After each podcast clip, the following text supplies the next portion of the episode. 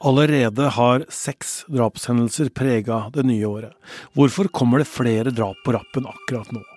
Er det likhetstrekk, eller noe vi kan gjøre for å hindre at det skjer? Vi skal finne svar i dagens episode. Jeg heter Tor Erling Tømt Ruud, og dette er Krimpodden i VG.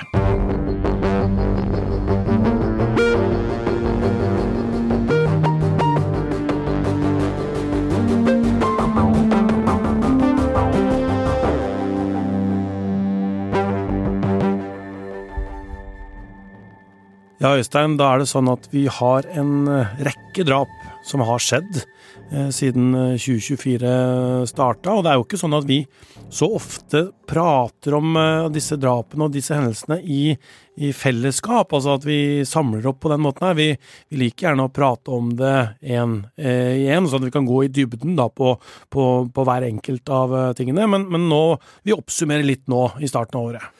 Ja, og det har jo vært en helt ekstrem eh, inngang på året. Eh, det har vært drap på drap, eh, tragedie på tragedie, og det er jo mange som da spør seg om dette er tilfeldig, eller om det har noen sammenheng. Og det, det er jo til å forstå, det. det. Nå varierer drapsstatistikken i Norge litt, fra ja, jeg husker ikke de laveste tallene, men det er jo sånn pluss-minus 30, kanskje opp mot 40, og så har det vært noen år utafor og noen i begge retninger. men men det er jo stort sett ganske jevnt, og når man da har fått så mange uh, allerede, så um, er jo det veldig uvanlig. I fjor så er vel eh, statistikken der at det var 35 eller 36 drap, og og det var jo det høyeste antall da, på, på ti, over ti år. Eh, og så må vi jo da se om, om, dette vil stabilisere seg i 2024, eller hvordan det ender. da, For nå har vi i hvert fall eh, seks hendelser med, med mange ofre. Ja, jeg var en tur på, på Kripos og snakka med noen folk i går, faktisk, og da diskuterte vi det her. Og da ble jeg påminnet om at for noen år siden så gikk det jo flere måneder eh, før det ble et drap. Men så kom det ganske mange ganske fort, og så endte man det året likevel opp på eh, omtrent eh, ja, et slags gjennomsnitt. Og det eh, kan jo være da det motsatte skjer nå, det vil jo tida vise. Men eh, eh, det er jo å håpe at ikke det er en trend, i hvert fall at eh, av en eller annen grunn plutselig blir flere drap enn en det har vært. Det er, det er jo mange nok med Ethvert drap er jo ett for mye. Og flere medier, blant annet VG, skriver jo at det er en drapsbølge, og kaller det det, men, men vi er litt mer sånn at det er litt vanskelig å kalle eh, drapene som har skjedd, en bølge, fordi de er ikke kanskje sammenlignbare og like. I hvert fall hvis du tenker at, eh, at, det skal være det, og vi har jo snakka før om, om ransbølge. Da var det vel eh, gjerne sånn at uh, man antok at disse ranene hadde en eller annen form for sammenheng, eller likhetstrekk i hvert fall. Ikke at de samme personene sto bak alle, men at det var noen likhetstrekk innenfor modus uh, osv. Men, men det er jo litt annerledes her. Det er vanskelig å finne en rød tråd, bortsett fra, det, men det er jo dessverre ikke noe nytt. Det eneste som ofte er en rød tråd, er jo at det er menn som dreper, eh, og at det eh, for ofte også er kvinner som er ofre, og at det er eh, en del saker hvor det er menn som har hatt en eller annen form for relasjon med en, en kvinne, og at det, det, ligger bak. Det er det jo det er det jo en del saker av, og i forhold til antallet så er det jo en ganske høy prosentandel av den type saker.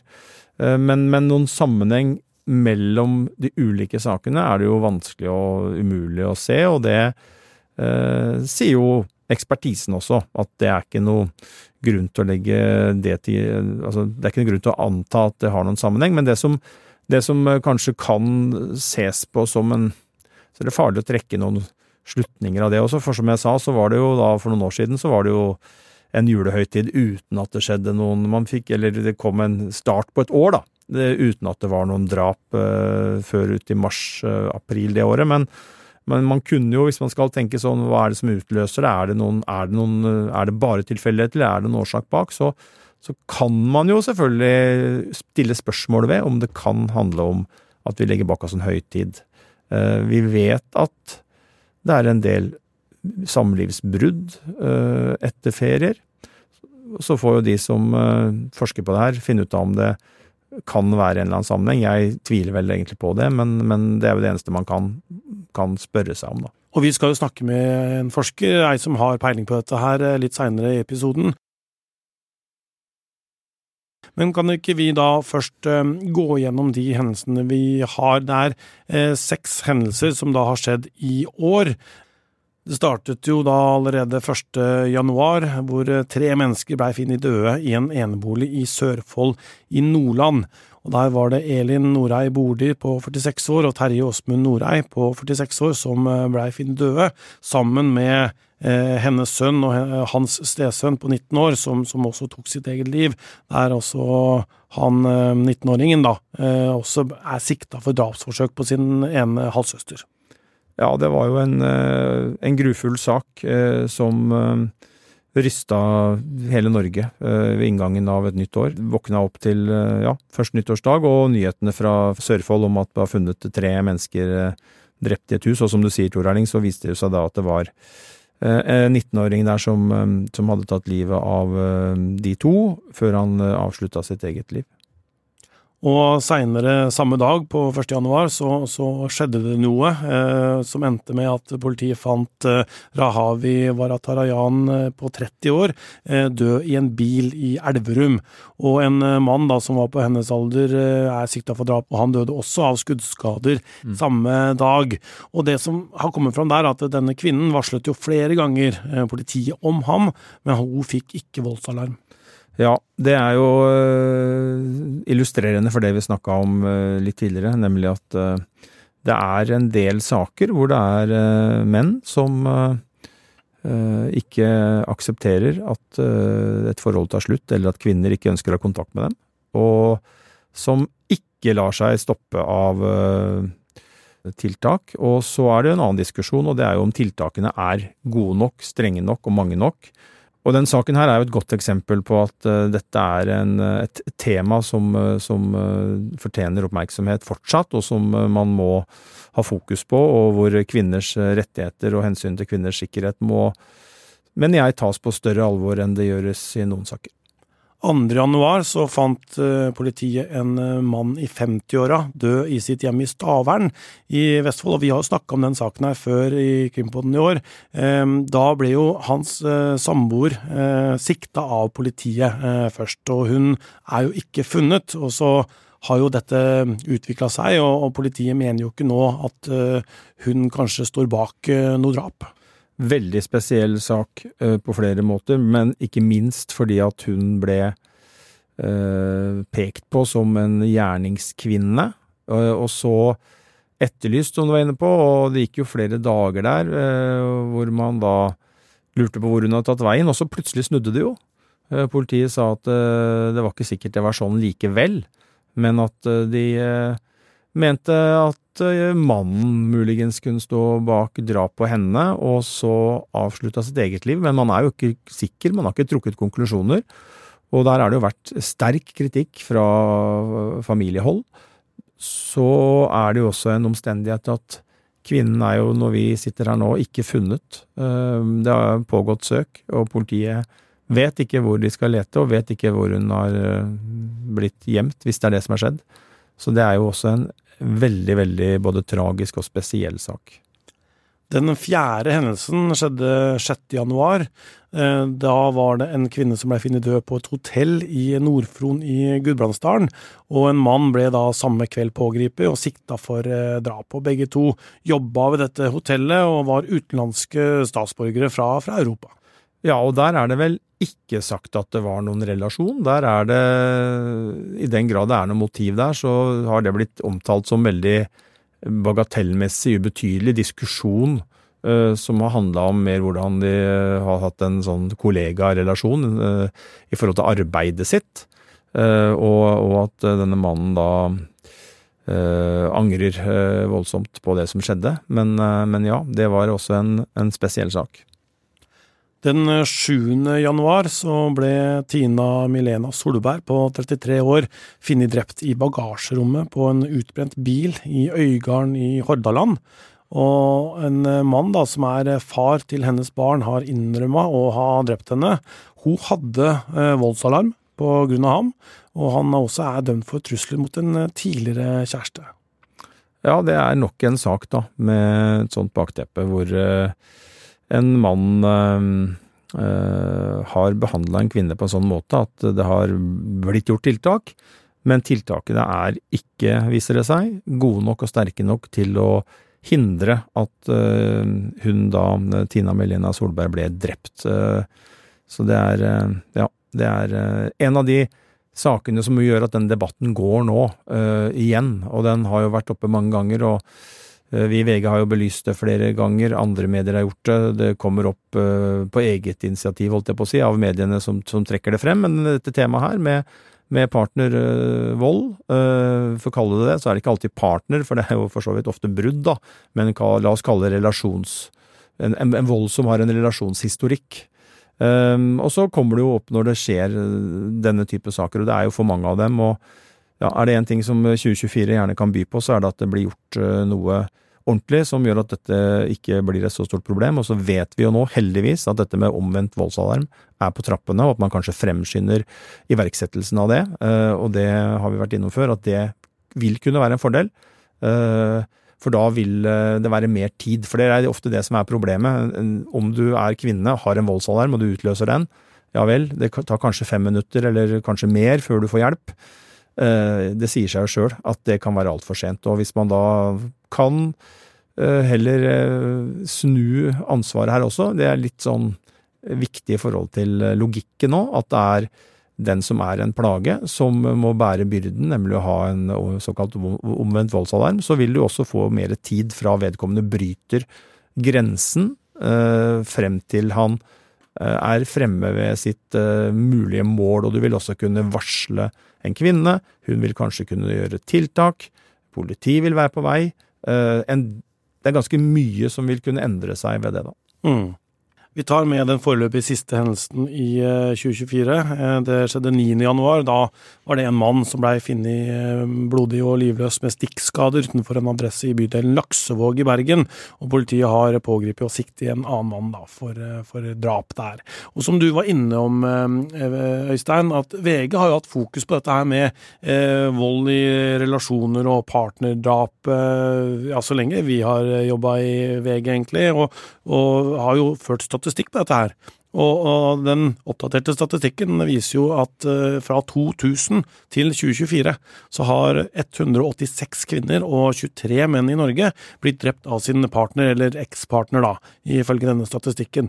Og um, i dette materialet så har jo da VG nå funnet ut at 25 av ofrene hadde eller hadde bedt om voldsalarm eller besøksforbud mot den som senere drepte dem. Og det dreier seg da om 22 kvinner og tre menn.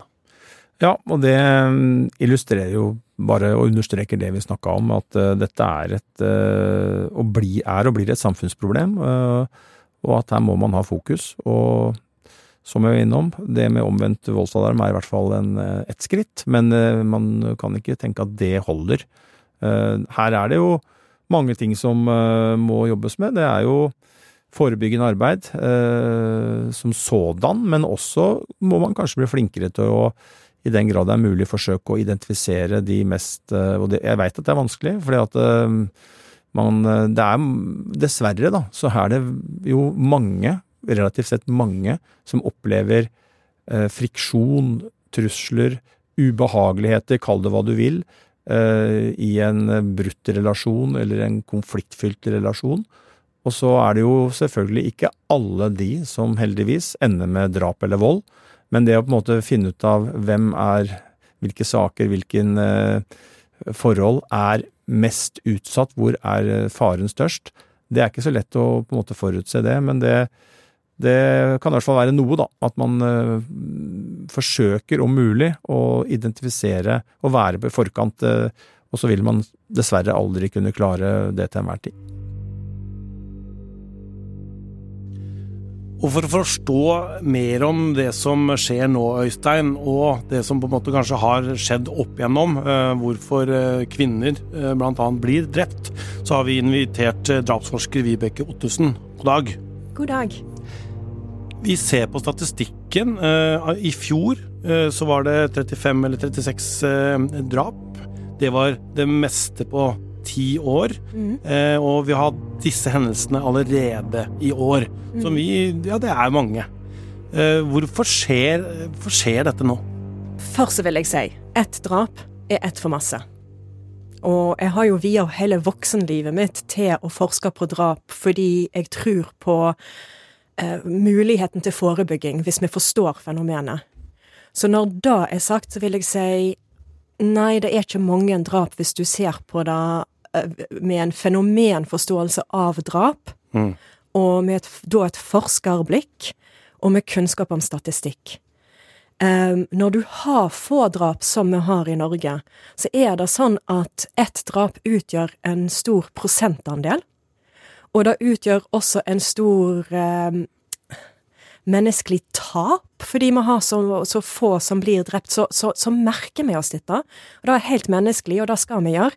Men som forsker så kan jeg eh, Jeg kan ikke gå med på å beskrive det som mange selv om ett drap er ett for mange. Fortsatt er Norge et land med få drap, der bare Island har færre. Men kan man eh, finne noen, noen fellestrekk eller noen eh, hva skal vi si, grunner til at det blir en sånn opphopning nå, f.eks. i januar? Nei. Eh, igjen menneskelig å se en opphopning, og så prøve å tolke det og finne en mening ved det. Men altså På den andre enden av skala så har vi jo hatt noen år der det var Og nå, nå sier jeg bare i anførselstegn bare tre kvinner som ble drept. Bare fire som ble drept i løpet av et helt år. I år eh, i årene 2020-2021 så gikk det nær åtte måneder mellom to partnerdrap.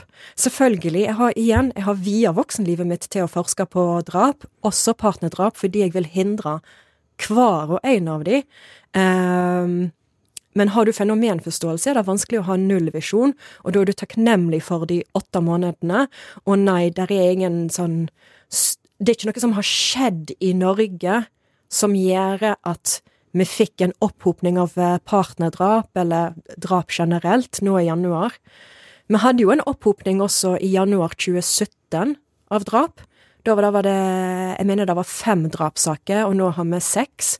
Så det er ikke så usedvanlig at det skjer sånne opphopninger. Og nå har den opphopningen da skjedd i ti. Mm. Eh, Første uka av januar, eventuelt så kan du si 2023. Og vi hadde jo en opphopning i året 2013 òg, så var det flere drap enn det vi hadde hatt i 2012. Men 2012 hadde færre drap enn det du hadde tidligere år. Men disse opphopninga, det samler seg eh, drap. Det kan også skje geografisk. Så siden Nå har jo jeg gjort intervju på dette siden 2008, siden når jeg begynte å Når det ble kjent at jeg forsker på, på drap i Norge. Og jeg har jo gjort intervju om Er det spesielt farlig på Vestlandet for tiden? Fordi du hadde en geografisk opphopning i på Vestlandet. Og så gjort intervjuet da spesielt eh, farlig på Sørlandet for tiden, for da var det en geografisk opphopning der. Igjen bare tilfeldig. Det var ikke sånn at i løpet av eh, seks måneder så var det faktisk farlig i, i Bergen, liksom. Ehm, så sånne opphopninger de kan skje, og når du har et utgangspunkt av få drap, så merker du deg når det forekommer, og da skal vi. Og det blir jo da retta mye fokus på det eh, når, når det skjer. Ja. Men eh, Øystein, vi diskuterte dette her om vi skulle kalle det en drapsbølge eller ikke, og landa jo på at vi ikke gjør det. Eh, og, og begrunna jo det også. Er du fornøyd med den begrunnelsen? Ja, nei, det er jo tilfeldigheter. Når man går inn og ser på hver enkelt sak, så er det jo vanskelig å se et mønster, bortsett fra at det er noen fellestrekk i den forstand som vi har vært inne på, da, at det er noen eh, drap som skjer hvor det har vært en eller annen form for relasjon mellom en kvinne og en mann, og det som oftest er da mannen som, som begår drap. Det er, jo, det er jo liksom de sakene som går igjen, eh, dessverre. Eh, Men så er det jo eh, når de kommer, hvor de kommer, hvorfor de kommer. Det er klart det er jo ikke sånn at det er noe mønster i det. Og så var det som vi vel også var inne på, at det kom nå ganske mange rett etter en høytid. Eh, Men om det kan trekkes noe ut av det, jeg vet ikke om det er en, eh, en, en, noe man har sett. Nei. Nei. Um, der er Der er Altså, jeg som har sittet på disse uh, drapssakene helt tilbake til 1990-tallet, jeg ser ikke at det er høgtid er noe som peker seg ut. Uh, uansett hva tid det er på året, uansett hva tid det er på året, så når det kommer til partnerdrap, så er samlivsbrudd noe som er en livskrise for, uh, for de fleste av oss. Da det å bli forlatt. Det kan jo også være en livskrise å gå ut av et forhold over den som tar avgjørelsen og er den aktive parten. Men da vi ser når det kommer til partnerdrap, både i Norge og i andre land, eh, så skjer de en, altså en sånn hovedsituasjon. Fordi der er mønstre. En hovedsituasjon som gir en sårbarhet for partnerdrap, da er samlivsbrudd initiert av kvinnen. Og så er det òg da at mannen mister evne til å forsørge. Dette er situasjoner som kan få eh, Der menn har en sårbarhet for å bli suicidale.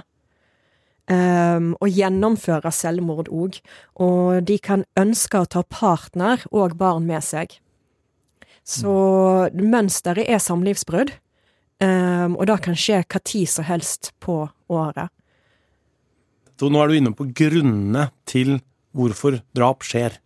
Kan du fortelle mer om hva som kjennetegner drap, hvis man kan, hvis man kan si det? En kan si mye om hva som kjennetegner drap. Det meste kommer jo fra forskning i andre land, og så skal en være veldig forsiktig med å bruke det i Norge, og si noe om Norge. Men uh, jo uh, En har jo forska systematisk uh, på drap siden 1950-tallet. Eh, da var det en sosiolog som, eh, som, prøvde å dele drap inn i det som vi kaller for meningsfylte drapskategorier. Eh, det vil si at når du deler drapene inn i disse kategoriene, så, så blir det meningsbærende i det at du ser at det der er mønstre, at de har felles typiske kjennetegn. Um, så da Den hovedkategorien for drap sånn i verdenshistorien og i nær alle andre land, bortsett fra de nordiske, er jo at det mest typiske drapet er to menn. Gjerne sånn uh, i uh, 20-årsalderen. Uh, gjerne en bagatell, eventuelt knytta til uh, en kriminell livsstil, og at det er et Eh, en måte å håndtere konflikt på. Og så deler du da inn i de nære relasjonene. Og innenfor de nære relasjonene så har du flere kategorier. Der har du da partnerdrap, ja. Eh, men du har også barnedrap, der foreldre, omsorgspersoner, dreper barnet de har omsorg for. Eh, så har du foreldredrap, der individet dreper sin forelder. Søskendrap. Men innenfor de kategoriene så må du dele de inn én til gang som for eksempel i barnedrap. Uh, her driver jeg ikke bare og forsker, jeg utvikler også teori på psykologien som ligger til grunn for disse drapene. Mm. Og her uh, har jeg i, i den forskningen jeg har gjort på Norge, da, så har jeg delt uh, Jeg har delt eh, mellom mødre og fedre.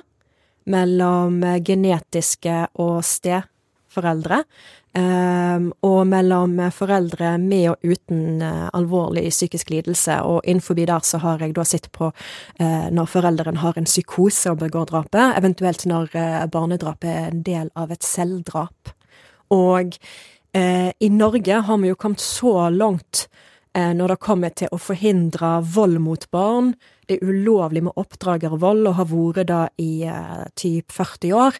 Så nå har vi kommet langt der eh, vi har få av de barnedrapene som skjer som en ytterpunkt av en eskalerende vold mot barnet. Så i stedet i Norge i dag så er det mest typiske barnedrapet en far som begår sjøldrap. Mm. I, uh, I, mitt utvalg, i min studie, så var det 80% som enten var psykotisk eller suicidal når de begikk barnedrapet. Mm. Um, og de som pekte seg ut der, var da suicidale fedre. Og den type forskning må vi fortsette med i Norge, og jeg har jo tenkt å drive med dette um, videre, så og se hva meningsfylte kategorier vi har innenfor partnerdrap igjen. Men allerede nå så kan jeg si at de skjer i anledning eh, samlivsbrudd initiert av kvinnen, og de skjer uh, veldig ofte når uh, mannen er suicidal. Kan kvinnen som vil ut av et forhold, vite dette på forhånd? Jeg tror det er mange kvinner der ute som, uh, som tenker, tenker, den tanken. Um, de som lever i voldelige forhold, vil jo åpenbart gjøre en vurdering av hvor livsfarlig den volden er, og eh, merker seg at den eskalerer. Det er ikke sånn at det, det begynner med litt knuffing, og så var det da. Det, vold eskalerer hvis det ikke blir satt, satt en stopper for det. Um, så jeg tror, jeg tror kvinner tar og føler på den ja. Um, og så tror jeg òg uh, at det er kvinner der ute som også kan være bekymra for den uh, psykiske helsen og hvordan mannen vil ta et samlivsbrudd. Men om, uh, om kvinner generelt vet det jeg har For jeg har jo, jeg har jo sagt dette her et konservativt estimat månedlig siden 2008. Så har jeg sagt samlivsbrudd og suicidalitet. Har jeg sagt i hvert eneste intervju, og det har nok sunket inn hos den generelle befolkningen. Men jeg tror vi mennesker òg er ganske sånn gode på å fornekte Fornekta det absolutt verste og det absolutt vondeste òg, men det, det, tror jeg er et større problem for kompisene til mannen. Jeg mener, her har vi to menn. Mm. Right? Har dere noensinne lagt en plan for hva dere skal gjøre om dere blir dumpa av dama? Um, jeg har jo tenkt tanken, ja. Ja. Har det. Konkret plan, så du ikke blir tatt på senga? Ikke en konkret plan, jeg har ikke nedfelt det. Eh, I hvert fall ikke skriftlig, men jeg har tenkt litt på at det ikke ville være noe særlig greit, iallfall. Det vil ikke være det. Eh, det vil ikke. Og hva med kompiser? Har dere noen kompiser som har gått gjennom eh, samlivsbrudd de ikke ønska de siste fem årene? Ja. Hvordan tok de det? Nei, det er vanskelig. Ja. Mm. Stilte dere opp? Lagde dere middag til han? Jeg har ikke hatt noen kompiser de siste fem åra, faktisk. Eh, ja, det er sant. Som har gått fra noen, nei? Eller som blitt, eh, Aldersdemografisk, så Ja. burde du kanskje. Ja, ja, ja. Nei, det er sant, det. Men du, da Eh, stilte du opp for kompisen din. Ja, ja. Mm. Ja. Og det er litt sånn Det kan være um, Det kan være litt skummelt hvis du har en kompis som sliter, og så tar du han med ut på noen øl, Mm. og så sender du han hjem alene. Og er ikke det å stille opp, det? Jeg syns, det, jeg syns da er litt å leke med ilden, for han har hatt en fin kveld, og så kommer han hjem, og der er det mørkt. Kanskje står oppvasken der, for han bare orker ikke. Han har ikke vaska gulvene. Han sitter der alene. Den fine kvelden, den er over. Um, Hva, vi- hva må vi gjøre da? kan ikke han overnatte? Kan ikke du overnatte? Sånn, at kanskje dere har planer neste dag? Mm. Et, dette her er et langsiktig prosjekt. Men det vil jo ta slutt, det og en hyttetur eller alt det der vil jo ta slutt hvis du skal vende tilbake til ditt vanlige liv og kompisen må på en måte klare seg sjøl litt òg, da. Ja, men det kan være litt sånn akutte faser. Og det som er, er at eh, vi har uh, Det dupper rundt 30-tallet. Ja, 2023 så hadde vi i overkant av 30, men andre har vi hatt i underkant av 30. Så vi, vi dupper rundt tallet 30 på drap. Mm. Men vet dere hvor mange selvmord vi har? Det har jeg ikke i hodet, men, eh, Mellom 600 og 700? Og hvilket kjønn utpeker seg? Det er menn, ja. men Ja. Um, og visste dere at samlivsbrudd og da mista forsørgelsesevnen, det er ikke bare noe som kan føre til partnerdrap, det kan også føre til at han, han tar livet helt alene. Mm. Det er ikke alle menn som tar en partner med seg. Det skjer én, to, tre, fire ganger i året. Men eh, vi har over 400 menn i året. Så ja, du har helt rett, en hyttetur tar slutt. Men, eh, men en hyttetur er faktisk bedre. Da har du hatt noen dager sammen, og så kommer mandag og han skal på jobb. mm. Men jeg bare syns det høres litt sånn skummelt ut. Jeg sitter jo og leser disse sakene, og jeg syns det høres litt skummelt ut å ta noen øl på byen, og så hjem alene, og så sitter han der, og så er det klokka tre på uh, natt til søndag, og så kommer søndagen. Men må vi, ha, en- vi ha en ny avtale, da? Er det det beste? Forlate kompisen og si at du vet du hva, eh, torsdag eller neste mandag, da møtes vi igjen, og da skal dette skje. Jeg heier på sånne type planer, ja, og stiller opp på den måten. Mm. Jeg er jo en evolusjonspsykolog. Mm. Og min tilnærming til da skulle, hva vi må tenke på når det kommer til eh, hva som kan utgjøre en risiko for partnerdrap, men også hvordan vi kan forebygge det, og familiedrap, barnedrap, alle disse formene. Ungdom som begår eh, drap. Jeg tenker som evolusjonspsykolog at vi er Vi pleide jo egentlig å bo i sånne små stammer, Mm. med 150 stykker, pluss minus én. Um, og det gjør vi ikke lenger. Nå er vi alene, avstengt i eh, leiligheter, avstengt i hus. Vi, har, vi følger ikke opp hverandre sånn som vi pleide til å gjøre. Og eh, jeg liker jo fint å bo i uh, Oslo i en leilighet og ikke ha så mye kontakt med naboer, for all del, men, uh, men, i en livskrise så er du plutselig så ekstremt sårbar, og så er vi så lite forberedt på å skulle gi av oss sjøl og gi av tiden vår og stille opp. Mm. Um, jeg hadde kanskje sett annerledes på dette med forebygging hvis jeg ikke var en uh, evolusjonspsykolog, men jeg bare tenker Dere, dere har hørt det der uttrykket um, It takes a village to raise a child. Mm. Altså, beklager engelsken, det er morsmålet mitt, men altså, det mm. tar en landsby Jo, tusen takk, mm. morsmålet mitt, jeg er nokså flytende på det. Mm. Uh, det tar en landsby å fostre et barn, sant? Men når da barnet er voksent, hvorfor skal vi slippe det? Og så plutselig skal ikke landsbyen være der lenger allikevel? Um, det, høres, eh, det høres usunt ut. Og så har du det mellommenneskelige som vi har snakka om nå, men er det andre måter man kan forhindre dette på? Altså, jeg stiller meg eh, uforbeholdent og helhjertet bak da at vi endelig skal gi omvendt voldsalarm heller enn voldsalarm, og en dag så er vi der at vi kaller det for en voldsalarm. Det er mm. ikke en omvendt voldsalarm. Ja, for det er et rart uttrykk, egentlig. Ja, jeg syns da, med tanke på uh, hvem det er som utøver volden, så syns jeg det er litt uh, merkelig.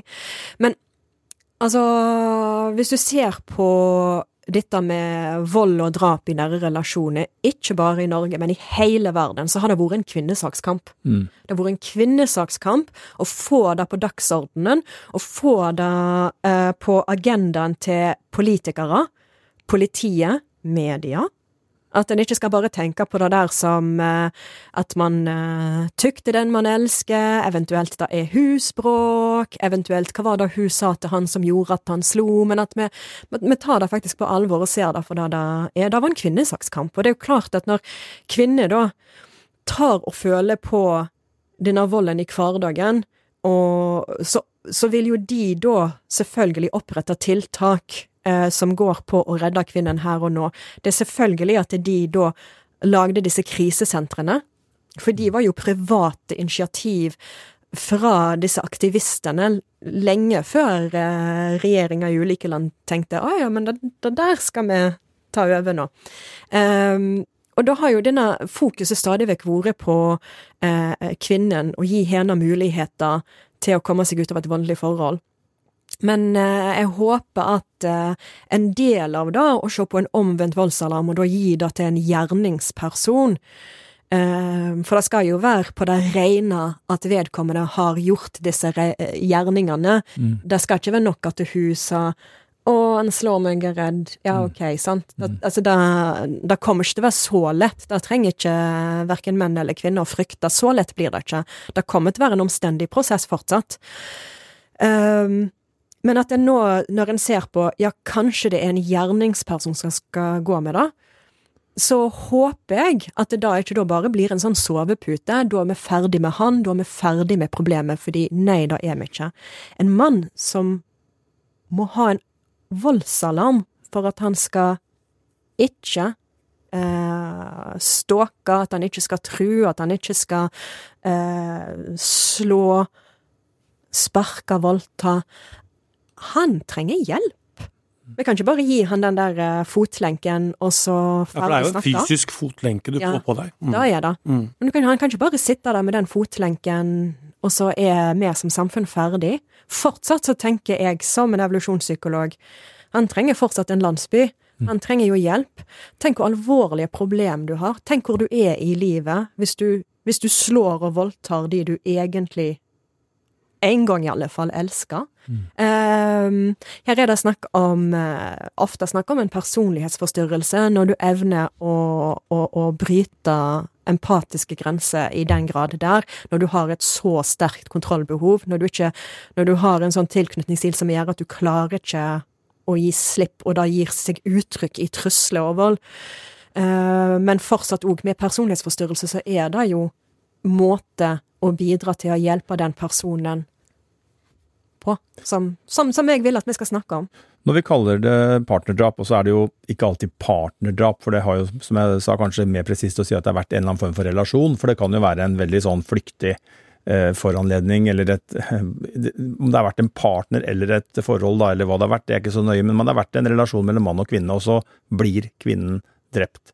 Er det overrepresentasjon der av eh, et, at det er et bakteppe? At det har vært anmeldelser, at det har vært en eh, besøksforbud eh, vært tema, eller, eller, er det eller er flertallet av sakene kommer de ut av det blå? Jeg, jeg, vet ikke helt hva du mener om at de har, det har ikke vært et parforhold, men det har vært en relasjon. Tenker du på kollega? Nei, jeg tenker på at det kan ha vært en flørt, ikke sant. Det kan ha vært et jeg, jeg tenker at partner blir litt sånn Eh, det kan jo også være drap hvor det har vært en, et, et, begynnende forhold, og så sier kvinnen nei, jeg vil ikke, og så kan det jo skje et drap. Det var bare for å vie ut, eh, men vi kan godt kalle det partnerdrap. Men spørsmålet mitt er, er det overrepresentasjon av bakteppet foran Altså et, er det vært en foranledning, eller kommer de fleste partnerdrap, for å kalle det det, ut av det blå? Et av de drapene som har skjedd på nyåret, så var det snakk om at de hadde data i en måneds tid. Mm og så gjorde hun det slutt. Ja. Er det et av de du tenker på at uh, de, de, er ikke et par, men det har vært en flørt? Er det en av de? Jeg tenkte bare at vi ikke skulle definere det for, for, eh, for strengt, ja. At man på en måte vier det ut. Det var eneste min hensikt. Ja, fordi jeg vil si at det da, da er et partnerdrap, ja. sånn, som, ja. um, sånn som jeg forstår det. Mm. Uh, Kripos har jo hatt litt sånn um, litt sånn problem med når skal de kalle det for at det var et forhold og ikke, mm. eh, med henvisning til at eh, han kan ha tenkt det var et forhold, og så har eh, hun ikke tenkt det er det. Nettopp. Men eh, disse mennene som, eh, som gjør dette, er det noen fellestrekk, kjennetegn? Først og fremst, de er blitt dumpa. Først og fremst. Innenfor uh, Innenfor der så trenger vi, vi trenger mer uh, forskning. Um, en trodde før, for eksempel, så trodde en før at det da var unge menn som eh, begikk partnerdrap, rett og slett fordi at den dataen hadde var på kvinnene, og at de var unge. Men så kom evolusjonspsykologene inn med en, med en teori som gjør at vi kan ha hypotese, som gjør at vi kan eh, gjøre gjør spesifikke tester av materialet vårt for å avsløre den psykologien som ligger til grunn. Og det er evolusjonspsykologer som fant ut eh, at det faktisk er jo større aldersforskjell du har i paret, jo mer øker sannsynligheten. Dette med bak, bakgrunn, øh, ressurser, utdanning, øh, hvor man er fra, om man er innvandrer og sånne ting? Jeg har lyst å ha tallene på plass før en går inn i mange av uh, disse debattene. Uh, jeg har to kjepphester uh, når jeg snakker om dette her, og da er samlivsbrudd uansett. Rik mann, fattig mann. Samlivsbrudd er shit. Um, og miste forsørg unnskyld, forsørgelsesevnen. Rik mann, fattig mann og mista det du kunne. Du kan være en skipsreder som mister alt. Det er shit. Du kan være en drosjesjåfør som ikke får fornya taxiløyvet ditt. Eh, jeg vil ha fokuset der. Sånn å se på det mer detaljert, så har jeg lyst til å ha forskningen på plass. Og forskning på dette har en så brukket historie, en så konfliktfylt og urimelig historie der folk har jaga prestisje. Så vi ligger så mange år etterpå da og forsker på dette her at det er, det er skandaløst. Det er skamløst. Men øh, um, jeg har fått veldig nye og veldig positive signal fra Politidirektoratet som gjør at eh, jeg kan eh, se på disse tingene nå framover, og da kan jeg bidra og henvise til tall på en måte jeg ikke kan i studioet ditt nå. Så siden 2008, når det først ble kjent at jeg skulle forske på dette, så var jeg umiddelbart ute og sa samlivsbrudd, forsørgelsesevne. Og vi må tenke på, vi må stille opp for mannen. Det er så lett i 2024 å si at det er såpass må du tåle dama gikk fra deg, såpass må du tåle, men uh, all den tid det, det, kan skje tre ganger i året, det kan skje tolv ganger i året, at nei, han tålte ikke såpass, og da vi, vi rundt må ta det til rett, etterretning, nei vel, og hva kan vi da gjøre? På den annen side så må det jo være lov å dumpe noen, eller gå fra et forhold du ikke så er glad i. Så til de grader, kjære vene, det er jo da, det må jo være lov. Um, og det er ikke kvinnens ansvar at han ikke fikser det. Det er jo ene og alene hans ansvar, men vi rundt han kan jo gjøre vårt. Vi trenger ikke bare liksom eh, la han sitte der i en mørk leilighet og tenke såpass må du tåle fordi Norge er mitt likestilt land.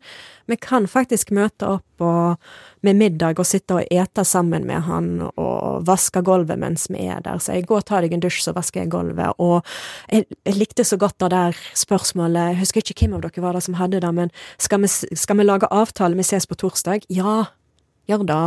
Mm. Mm. Du nevnte det at du hadde vært i Politidirektoratet i går også, mm. og hadde prata for noen der. Eh, hva var det du sa? Jeg hadde jo mine to kjepphester.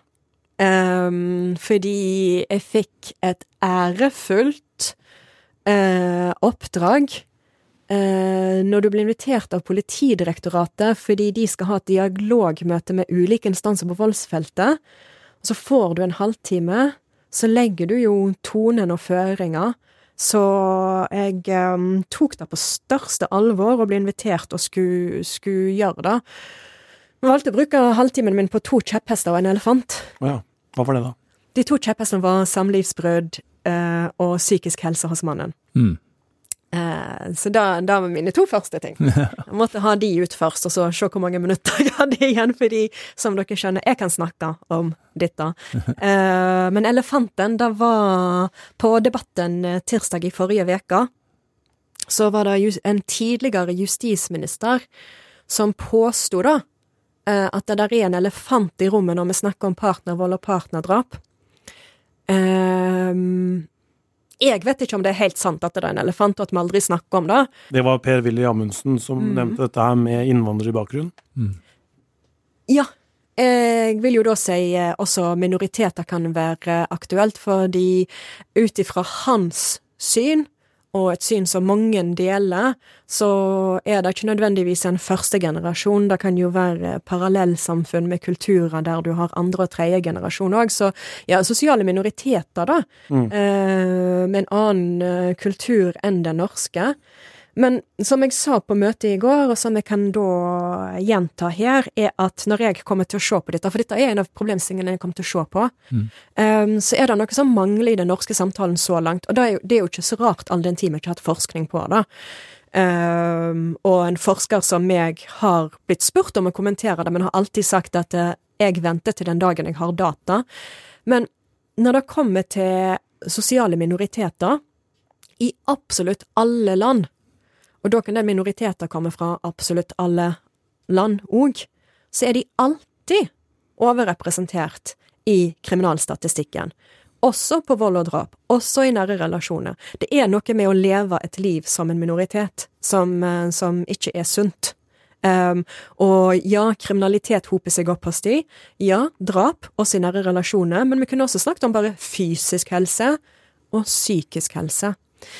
I løpet av de to siste årene så har vi jo tatt imot ganske mange flyktninger fra Ukraina. Mm. Eh, og det var ikke disse den tidligere justisministeren tenkte på når han ville bruke de kommer fra et annet land som en årsaksforklaring. Men blant de fra Ukraina så er det to par der det har skjedd partnerdrap. I det ene var det hun som drepte han, i det andre var det han som drepte henne. Det kan være vanskelig nok for eh, et eh, norsk par som er hundre generasjoner norske. Eh, det kan være vanskelig nok for de å komme seg gjennom eh, ei uke, et samlivsbrudd, en økonomisk krise. Men tenk om Russland inviterte landet ditt, og du må flykte. Eh, og tenk at når du kommer til det nye landet, så skranter jo selvfølgelig forholdet. Og hvis det er vanskelig nok for en vanlig hundredets generasjon nordmann å miste en partner, så kan det jo være ekstra kritisk. Iallfall når du da ikke har et sosialt nettverk. Du har ikke én gang de tre ølene, og så blir du sendt hjem alene. Du har ikke den engang, sant?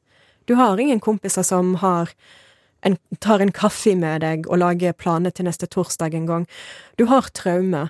Men samtidig så kan religion spille inn, fordi både religion og kultur bidrar til at det er tabu eh, rundt da å skulle eh, ta tak i og være åpen om å slite psykisk.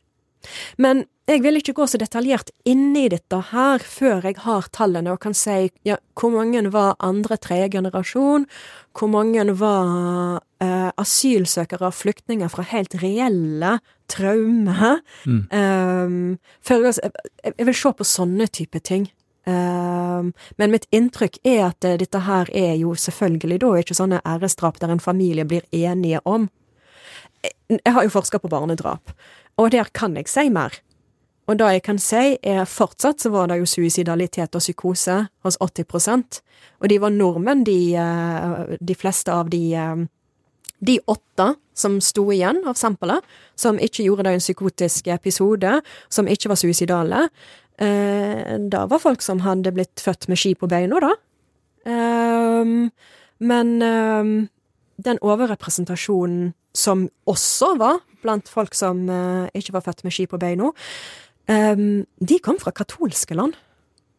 Mm. Og du må tilbake til 1800-tallet USA, før en hadde en sånn en, en, en, verdensanskuelse og forståelse av menneskets natur at katolikker og ire var naturlig mer voldelige enn andre. Mm. Nettopp. Så du kan ha religioner som ikke er behjelpelige, eh, men til syvende og sist Menn syns det er skitt å bli dumpa. Så har du nå snakka om dette jeg kaller det medmenneskelige, men liksom det å ta vare på kompisen, det å se eh, folka rundt deg, rett og slett. Da. Eh, men nå er det jo også snakk om eh, et partnerdrapsutvalg, det er snakk om en partnerdrapskommisjon eh, også eh, fra regjeringens side, og jeg hører snakk om det nå. Hva, hva tror du om det? Um, nei, jeg venter og ser. Jeg venter og ser. Altså, vi vet jo ikke engang uh, hvem som skal sitte i en sånn uh, kommisjon. Jeg, som forsker stiller jeg meg til rådighet. Uh, vi vet ikke hvem som skal sitte i den kommisjonen. Jeg vet ikke. jeg er bare så inderlig, inderlig glad for at det er nye signal fra Politidirektoratet om endelig, endelig skal få fri forskning på partnerdrap i Norge. At ja, jeg er bare så inderlig glad for det, jeg. Jeg er så klar til å komme i gang. Eh, så jeg noterer alle spørsmålene deres. Mm. Jeg skal svare på dem. Mm. Det er bra. Komme tilbake. Det er bra. Altså, en siste ting. Eh, har du en um, utfordring til oss, eller noe som vi bør tenke på når vi skal jobbe med disse sakene framover? Ja, ikke bare denne podkasten, men VG. Mm. Oi. Um... Vær forsiktig med ord som mange og bølge. Flere er ikke det samme som mange. Flere er ikke det samme som bølge. Um, jeg husker jeg gjorde jeg, jeg, gjorde jo så mange intervju i 2013, når da året hadde flere drap enn 2012, og 2012 hadde færre, og da gikk ikke an å sammenligne med 2011, for da var jo terrordrap. Mm. Og mm. terrordrap er ikke det bildet vi har på drap i Norge, så det er ikke den som skal være utslagsgivende. Men um, jeg, jeg, jeg, jeg, sa at en ikke skulle, skulle bruke ordet bølge på det. Um, men, men det førte jo til en ingress der det sto at drapsforsker eh, ikke bekymra for en mørk og dyster statistikk. Nei. Så det var jo helt uhørt eh, stunt av de. Så eh, i all hovedsak også da ha respekt for uh, ordbruken uh, til eh, de som uttaler seg. Som jeg er veldig påpasselig med at jeg bruker ordet gjerningsperson og sikter at en ikke bruker ord og begrep som drapsmann, fordi en person som har eh, drept sin familie, han er mye mer enn en som dreper dag ut og dag inn. Og det er det samme med når du har et barn som er domfelt på, for drap, at en kaller de for barn som begår drap. Det høres ut som disse barna springer rundt og gjør ingenting annet enn å begå disse drapene. Men da kan vi snakke om eh, fem minutter i et menneskes liv, det kan vi snakke om en halvtime i deres liv. Så det er noe med ordbruken, men ellers så er en er gode på dette i Norge i forhold til andre land. Så keep it up. Vi fortsetter, vi. Det gjør vi. Tusen takk for meg. Følg oss eh, gjerne på Facebook eller Instagram. Skriv mail til oss på krimpodden at vg.no. Krimpodden består av produsent eh, Vilde Våren, krimkommentator Øystein Milli, Ruth Einvoll Nilsen, Hanna Espevik og jeg, Tor Erling Tømt Ruud. Nyhetssjef er Emilie Halltorp.